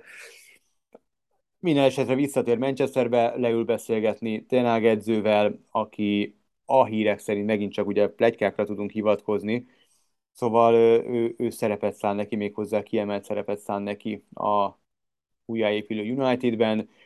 Volt egy olyan pletyka is, hogy visszatérne Madridba, de nem a Realba, hanem az Atleticóba, ami nagyon vicces lett volna, főleg úgy, hogy azért a Simeone edzővel voltak különböző csörtei az Atletico és a Real rangadók során, ráadásul töménytelen mennyiségű góllal öm, gólt szerzett és keserítette meg az Atletico szurkolókat, és ezek a szurkolók nyilván látni sem akarják Ronaldót, és ugye volt egy ilyen komment is, hogy inkább jobb veszíteni, mint ezzel a fickóval nyerni, sőt, online kampányba kezdtek, hogy megelőzzék Ronaldo esetleges megvásárlását vagy kölcsönbevételét, hát nyilván nem akarják az Atletico drukkerek.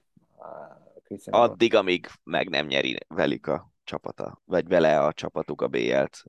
Ez olyan dolog, hogy Én nem tudom elképzelni Ronaldóról sem. Tehát az egy akkora ilyen középső új lenne a, a Real számára, a Real drukkerek számára, ha ő elmegy az Atletico-ba játszani, ezt, ezt nem teheti meg, én szerintem. És nem is tenni, de hát a jó ég tudja. Múltkor már megbeszéltük, hogy szerintem Ronaldo egy ilyen vákumban van most, ahol Uh-huh. ő magasabb szinten szeretne még játszani, mint ahova befér, és, és ezzel a helyzettel nehéz lesz mit kezdeni. Ebből szerintem a kiút az a, az, a, az ilyen Katar-Saudi vonal lesz. Én nem hiszem, hogy ő oda elmegy, és szerintem ő még mindig én szerintem ő még elfér azon a polcon, ahova ő, Jó. ő pozícióján állja magát. Lehet, hogy adoptálódnia kell a csapatnak, egy edzőnek. Én szerintem Ronaldo még van olyan formában, van akkor a Spiller, hogy, hogy még azon a szinten is segítség legyen egy csapatnak, amilyen szinten mondjuk egy Real, egy Bayern, egy, egy, egy, egy bármilyen City, bármilyen csapat van, de lehet, hogy én nézek más tévét, nem tudom. Na jót nevettél azon múlt, hogy a Milán a Zetét fogad, illetve a Zete a Milánt fogadja barátságos mérkőzésen.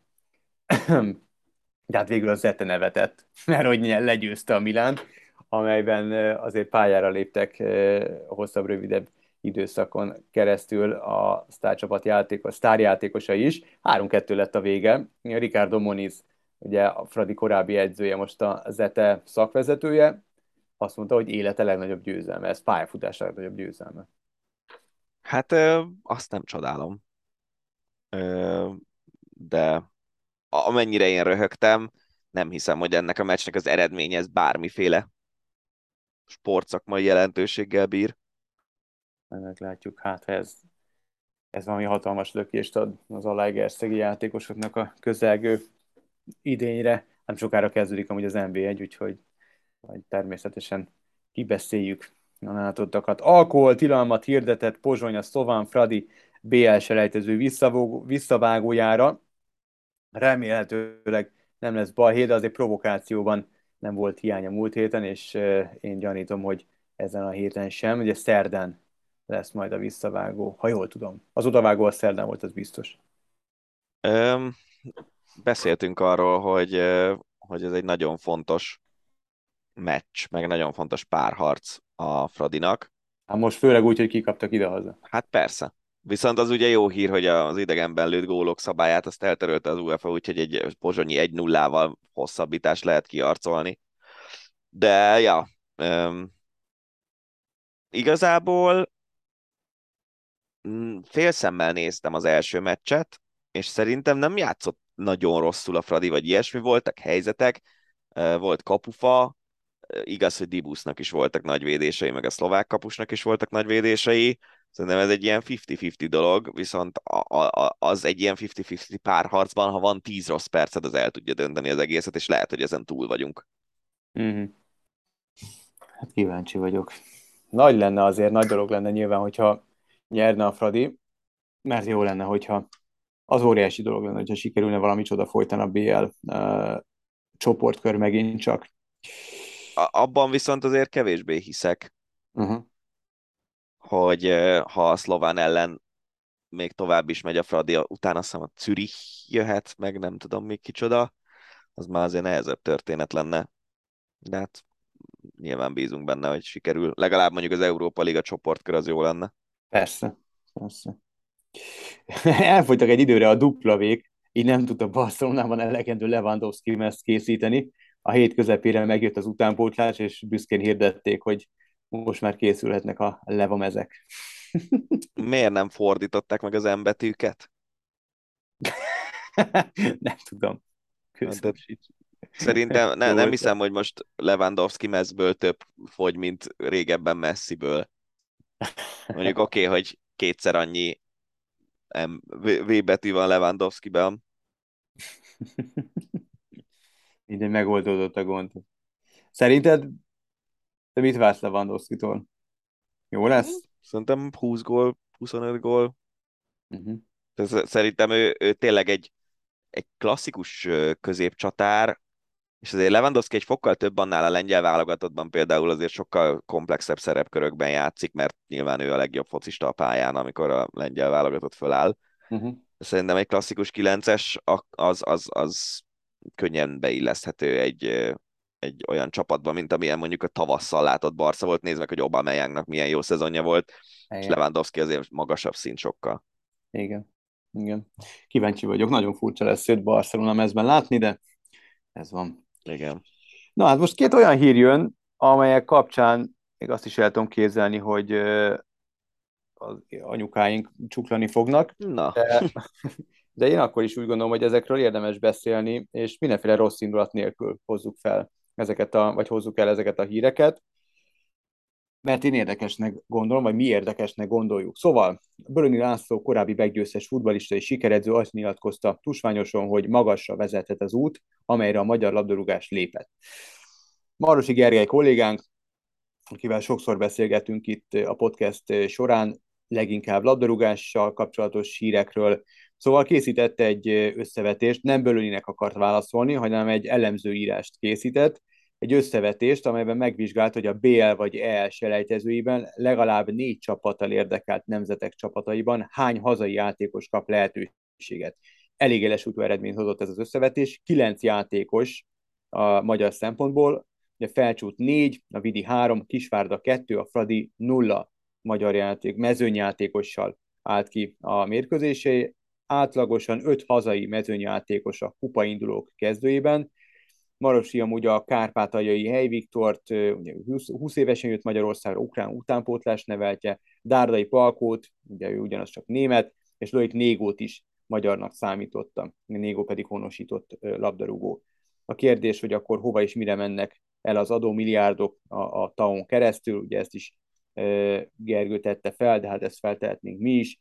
Szóval, hogy eléggé árnyalt ez a kép, és nyilván utána én követtem ezt a, ezt a posztot, és jöttek hozzászólások, és hozzáértő emberek szóltak hozzá, mindenféle rossz indulat vagy támadó szándék nélkül, de hogy azt mondták, hogy például a, a Fradiba, hogy a túróba raknánk be, vagy berakhatnánk természetesen magyar játékosokat, de akkor senki ne várja el azt, hogy, hogy harcban lesz mondjuk egy BL csoportkörél, vagy mondjuk bejut egy Euróliga, Euróliga csoportkörbe a Ferencvárosi csapat. Hát persze, csak ugye ezzel az a probléma, ami a következő hír is lesz, 21-es válogatott kapcsán, hogy, hogy nagyon-nagyon sok pénzt elköltött elsősorban ugye közpénzt a Magyarország az elmúlt mondjuk tíz évben nagyjából arra, hogy ezeket az akadémiákat felfejlesz hogy, hogy tényleg jó játékosokat neveljenek ki ezek az akadémiák, és, és nem. És, és nekem a tényleg az egész akadémiai rendszerrel kapcsolatban a legdurvább dolog, amit valaha hallottam, az az volt, amikor az ö, Ocskai ö, Gábornál voltunk interjút készíteni Márta Bencén, Bencével valamikor talán négy-öt évvel ezelőtt. Ne, csak nem, az 19-ben volt szerintem, mert nagyjából tíz évvel azután, hogy a fia meghalt és, és kérdeztem, hogy, hogy az akadémia, akadémián ott amúgy a gyerekeket például megtanítják angolul? És mondta, hogy nem.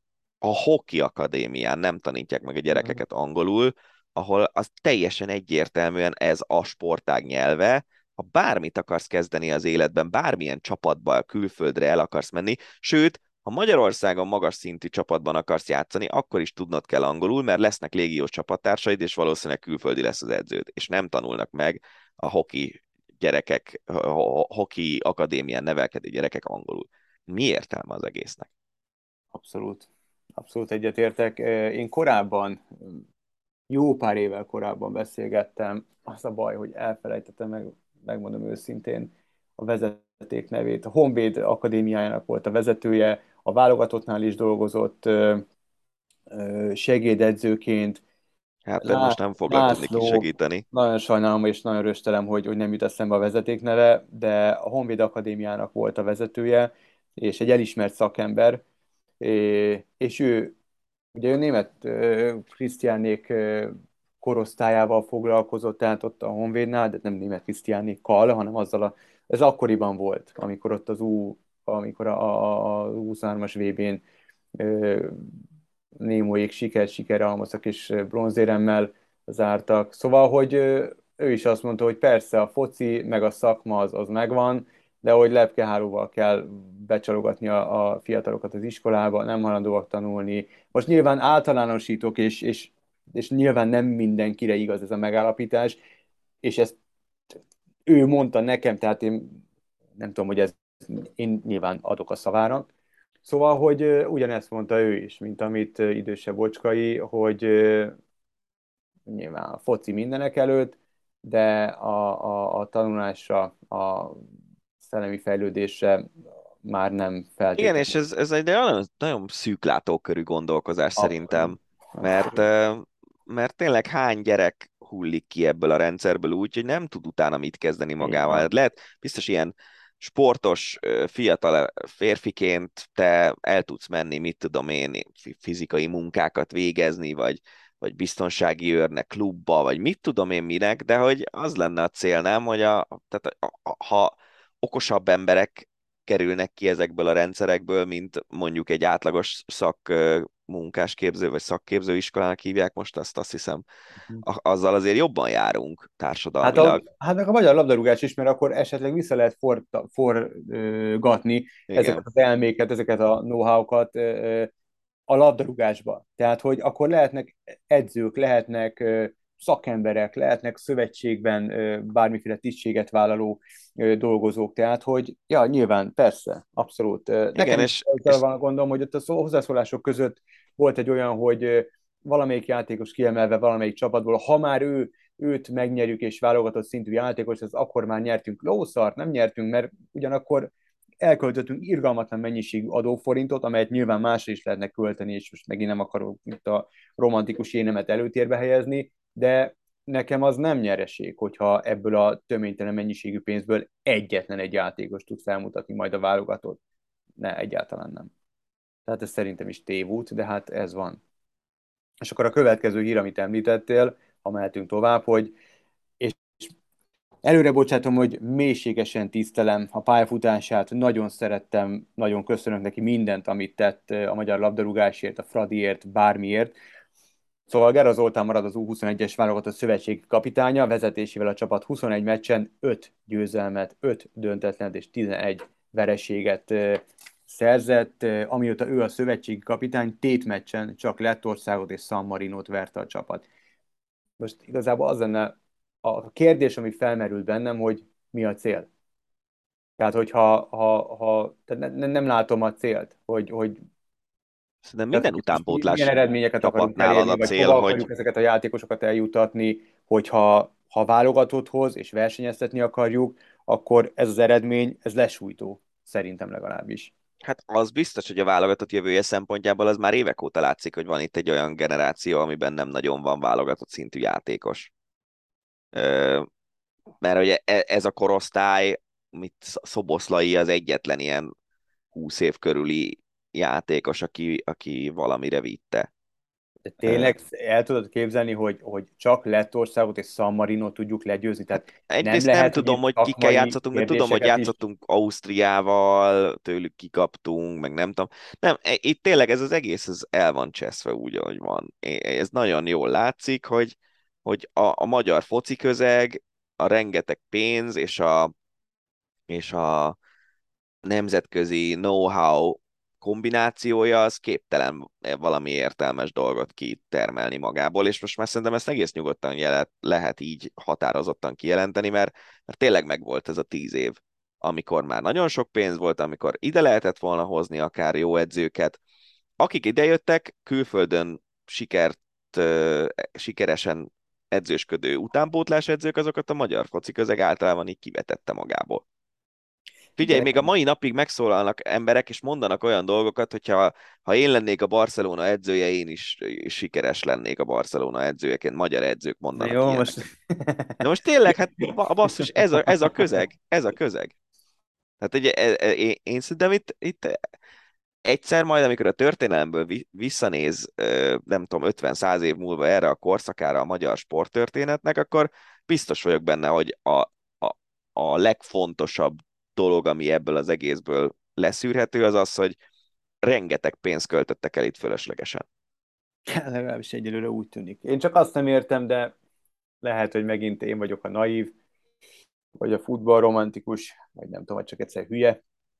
Szóval, hogy ezt a mennyiségű pénzt, vagy legalábbis a nagy részét, vagy egy részét, miért nem lehetett elkölteni egy olyan szakemberre, akinek azt mondja, hogy figyelj, itt a mansabot, itt van egy valak pénz. Ez volt. Ben Storknak odaadták Jó, a marsalbotot. vagy Ben, ki az Isten Ben Stork? Miért nem lehetett hozni, mondjuk az Ajax utánpótlása, vagy amit a Portónál csinálnak, vagy Ben, amit Portugáliában csinálnak, hogy, hogy vannak csapatok, amelyek egy-egy idén paromian megnyomnak, aztán kiárusítják a játékosokat, és irgalmatlan összegekért váltanak a csapatot.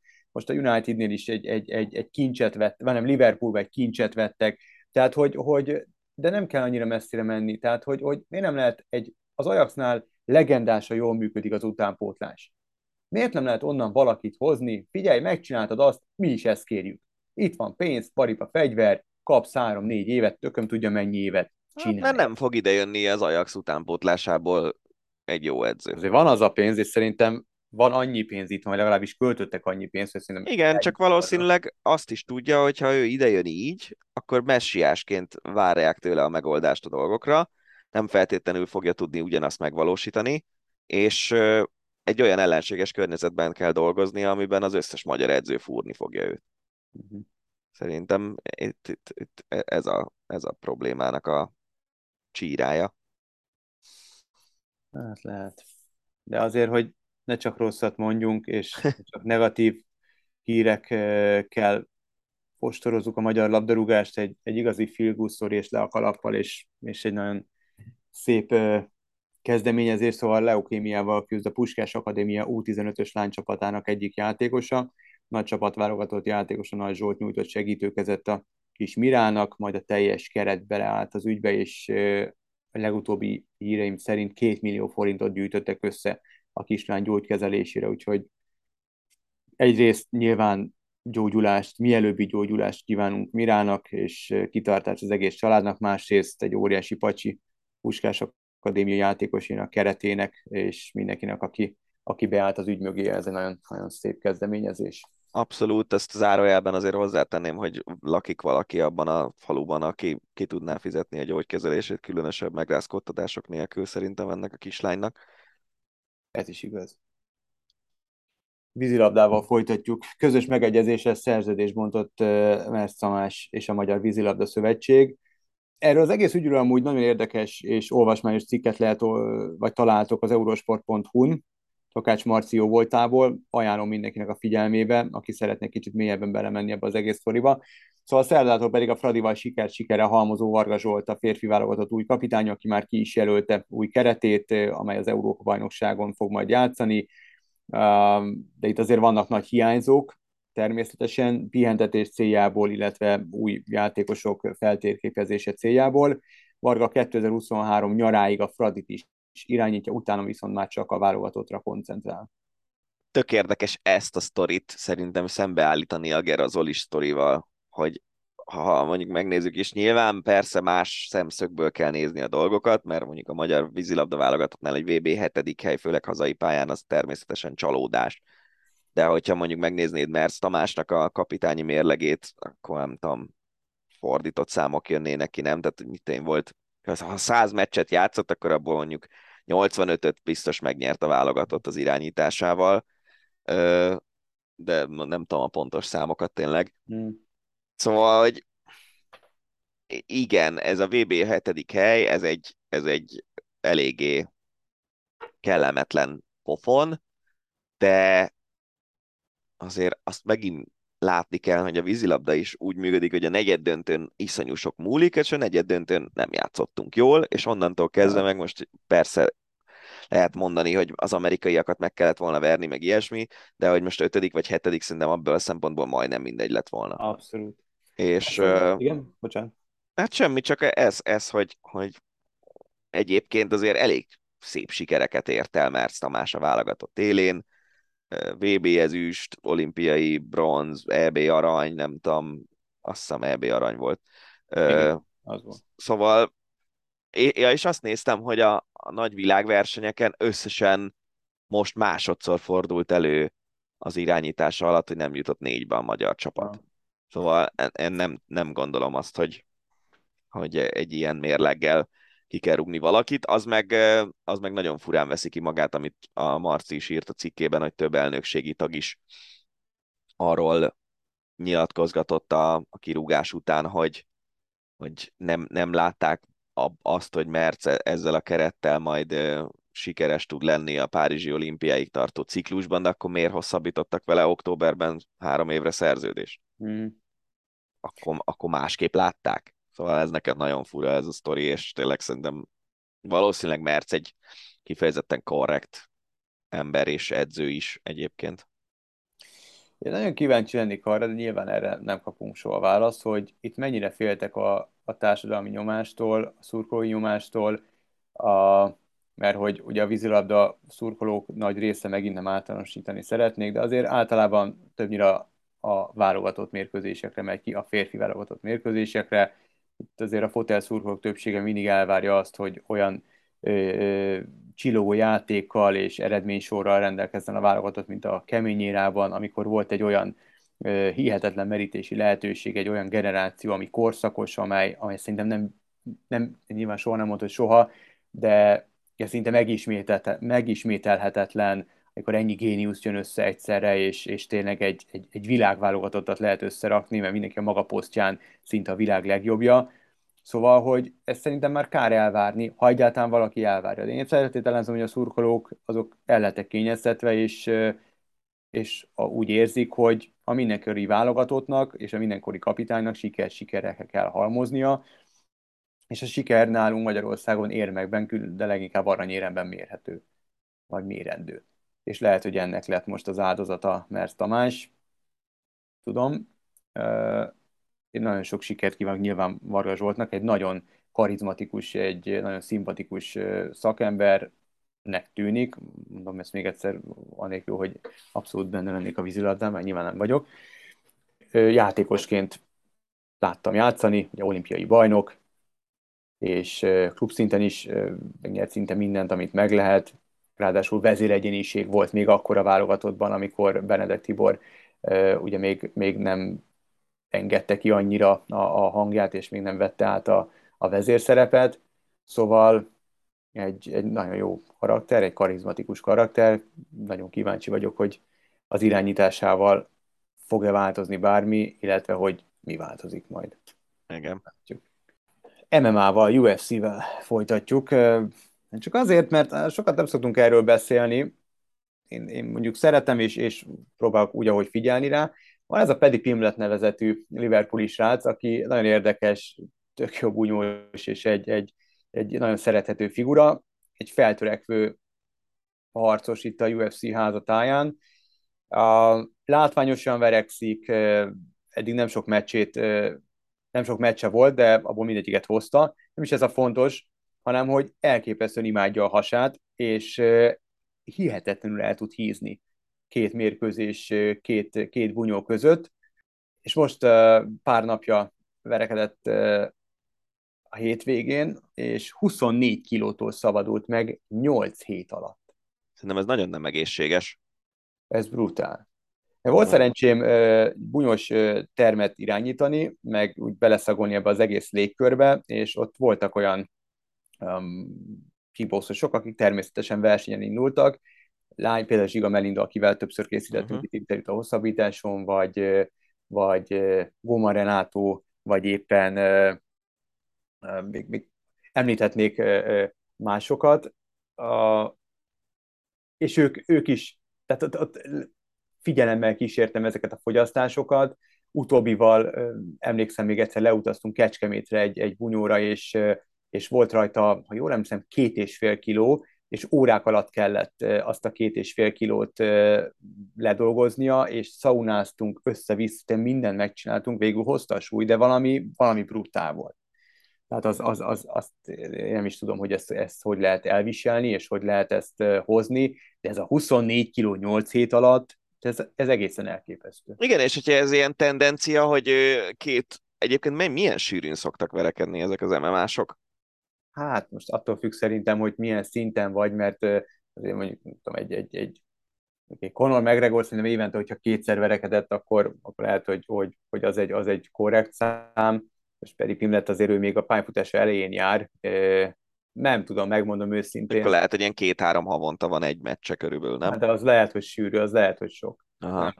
Na mindegy, szóval, hogy Egy ezt, évben ezt, mondjuk ezt a többször megcsinálja, háromszor. Jó, akkor, akkor legyen az, hogy, hogy három-négy hónapban van egy, egy meccse, ezt, hogyha mindig megcsinálja, hogy fölszed 25 kilót, aztán leadja, az azt szerintem tönkre fogja tenni a szervezetét teljesen. Hát ez egy ilyen, ilyen műfaj szerintem. Meg jó, de nem, nem tudom, hogy egy 25 év kiló az alatt, más. Persze, abszolút. Lehet, hogy ez, érted, lehet, hogy ez most egy ilyen kiugró, ezért, ezért hoztam, mert, mert ez egy kiugró szám volt, de már a sajtótájékoztató is a, a bunyó után már előtte volt egy burger, és amúgy egy nagyon érdekes, és, és hogy, hogy, hogy mennyire tehát egyszerűnek tűnik, de, de egy, egy csupaszív srác, aki pont az, a, a mostani verekedés bunyója előtt tudta meg, hogy öngyilkos lett az egyik legjobb barátja, illetve hogy, hogy meghalt az egyik leg, legnagyobb szurkolója, egy, egy kislány, egy, egy nagyon ritka rákbetegségben, vagy rákbetegségre nagyon ritka válfajában a pár héttel a bunyó előtt, és neki ajánlotta a, a győzelmét, és elképesztő megindító üzenetet mondott, és, és, és az egész nagyon, nagyon, nagyon, egy nagyon jó üzenete volt a, a, a, a megszólalásának és, és a barátjával kapcsolatban is arra hívta fel a figyelmet, hogy egy maszkulin világban élünk, és a férfiak nem, nem mernek beszélni a, a bennük zajló ö, harcokról, fájdalmakról, és hogy, hogy beszélni kell róla, és, és mindenki keresen fel szakembert, és ne, ne legyenek, ne gondolják azt, hogy, hogy gyávasság és gyengeség beszélni a, a, a férfiak oldaláról, bármiféle fájdalom is lakozik a, a, a lelkükben, úgyhogy mondom, ahhoz, tehát hogy, hogy tudod, van ez az általánosítás, hogy na, MMA-s vagy boxoló, akkor biztos sútyó, bunkó, akármi, nagyon, nagyon fontos dolgokra hívta fel a figyelmet rögtön a bunyója után. Szóval egy, egy nagyon érdekes figura, pedig film lett, érdemes rá odafigyelni, és nem csak azért, mert jó bunyós. No, NFL. Kyle Murray évi 46 millió dolláros fizetést kap új szerződése értelmében, így a második legjobban fizetett játékosa lett a ligának. 230,5 millió dolláros szerződést írt alá 5 évre, ebből 160 millió a garantált. Hmm, az az érdekes, hogy ő azért szerintem nem nevezhető igazán top játékosnak, top irányítónak. Mm. Egy elég alacsony, nagyon mozgékony srác. Hát meg kell nézni, hogy mi lesz belőle, de azért az Arizonánál eléggé, hogy mondjam, necceset húztak szerintem. Meglátjuk, hogy bejön-e. Maradunk az Arizonánál. J.J. Watt bizonyította ismételten emberi nagyságát. Houston korábbi, az Arizona jelenlegi játékosa felajánlotta egy szurkolójának, aki egy Watt nevével ellátott meszt és cipőt akart eladni csak azért, hogy be tudja dobni a közösbe az azokért járó pénzt a nagyapja temetésére, hogy ne adja el ezeket a cumókat, majd vatálja a temetést. Ja, ezek nagyon szép sztorik, amikor ezek a sok-sok millió dollárt kereső játékosok visszaadnak a, a szurkolóiknak. Így van. Kerék, ugye, bocs, csak igen? annyi, hogy a túloldalon viszont ott van az, aki meg ugye egy forintot nem költ jótékonyságra, és ugyanezt a pénzt megkeresi. Így van, így van. Kerékpár, hát horror hír érkezett a minap Walter Attilától, edzés közben olaszországi edzőtáborában elütötte egy motoros. Hát szerencsére a saját elmondása szerint nagy baj nem történt, de hát azért aki látta a fotókat, meg elolvasta végig a posztot, azért az láthatta és olvashatta, hogy azért Attilának az arcát eléggé átrendezte ez a bukás, és ott azért tört le fog, meg kell majd fogszabályzó, meg kétszeresére dagadta az arc, meg a száj, meg stb. Az már nem is említem, hogy az a, de nyilván ez mellékes, a milliókat érő kerékpár pedig mert a kukában, van az dirib darabra tört. Viszont barátságosan elcsevegtek a motorossal, és abszolút elismerte a hibáját. Ugyanakkor az edzőtábor véget ért, és, és a, ugye kórházba kellett Attilának, Attilát kórházba kellett szállítani, viszont a következő poszt már az volt, hogy otthon a görgőn már edzett. Igen, igen, úgy tűnik, hogy szerencsésen megúszta ezt a dolgot. Itt ugye kétféle szempontból érdemes szerintem ezt a sztorit figyelni. Az egyik az az, hogy hogy, hogy tényleg szerencséje volt ezzel a, ezzel a bukással, mert, mert egy motorossal ütközöl biciklistaként, akkor abból nagyon rosszul is kijöhetett volna, össze-vissza volna magát. A másik része a dolognak viszont az, hogy ez a magaslati edzőtábor, ez azért így elég jót tett volna az ő őszének, augusztusának őszének. Később is fog először versenyezni minden bizonyal, úgy volt, hogy szombaton lesz a San Sebastiani egynapos, és ott fog menni, ami egyébként szerintem egy olyan verseny, ami feküdt volna neki. Ráadásul debütálhatta volna az új magyar bajnoki trikóját, ezen a versenyen, majd most meglátjuk, hogy hogyan alakul így át a programja, és így valószínűleg a Vueltára is kevesebb esélye lesz. Hát ez mondjuk nem jó hír, főleg úgy, hogy te közvetíted a Vueltát. Ja, hát majd ez a, ez a másodlagos Egyéni része érdekek, nyilván nem nézzük az egyéni érdekeket, magyar kerékpásport számára az lett volna fontos, hogy, hogy Attila elindulhasson Vueltán, és reméljük azért csak összejön, majd meglátjuk. Viszont van egy másik hír vele kapcsolatban, amelyet azért hát csak ki kéne beszélnünk, vagy csak elő kell hozakodni vele. Sajtóhír, tehát mindenhol előkerült, hogy csapatot vált Ati, méghozzá nem is akárhogyan, és nem is akárhová megy. A hírek szerint a Jumbo Vistánál folytathatja pályafutását. Ugye ez a csapat igazából hát mindent vitt a túron, erről beszéltünk. Ez most a jelenlegi sztárcsapat a nemzetközi kerékpársportban. Ha igaz ez a hír, akkor egyrészt te mit szólsz hozzá, másrészt jó ez Ati pályafutásával kapcsolatban? Hát ugye az első dolog, ez a ha igaz, az a hír, holland sajtó írta meg, jól értesült forrásokra hivatkozva, ugye az a szabály, hogy augusztus 1-ig nem lehet hivatalosan bejelenteni ezeket az átigazolásokat, de szerintem ezt már múlt héten is beszéltük ezt a hírt. Most ezzel, hogy a holland sajtó ezt megírta, ezzel ugye valószínűsíthetőbb, hogy valóban így van a történet. Ugye azért nehéz kérdés, mert nem tudni, hogy milyen szerepet szánnak Attilának. Simán elképzelhető, hogy, hogy egy hasonló módon kap majd lehetőséget, mint, mint teszem azt például Tobias Foss, aki a, ugyanazon a Tour de l'Avenir-en győzött összetetben, ahol Walter Atti is ment és nyert szakaszt, ami azt jelenti, hogy mondjuk egy Giron ilyen társkapitányi szerepet kaphat, ha ezt megkapja, akkor az jó, de ugye a Jumbo-nál azért van néhány egészen kiemelkedő versenyző, és a segítőknek a nagy része azzal tölti a szezonjait, hogy ezeket a, ezeket a kiemelkedő versenyzőket segíti. Nagyon jó példa George Bennett, egy új-zélandi srác, aki Giron volt top 10-ben, tehát egy picivel jobb összetett eredménye volt, mint Atinak, és ő például azt hiszem a 2020-as szezon volt az, ahol mondta, hogy, hogy neki két versenynapja van, két olaszországi ilyen e, hegyes egynaposon mehetett magáért az egész szezonban. És ezt tudta előre. És azokon egyébként nagyon jól is ment. Uh-huh ez szerintem, ez szerintem nem lenne jó, hogyha Attinak is nagyon kevés versenye lenne, ahol saját magáért mehet, mert úgy érzem, hogy még fejlődik, és azért láttuk, hogy így is, hogy, hogy a Giro az nem sikerült úgy, ahogy szerette volna, így is azért nagyon jó eredményei voltak ebben a szezonban, vagy vannak.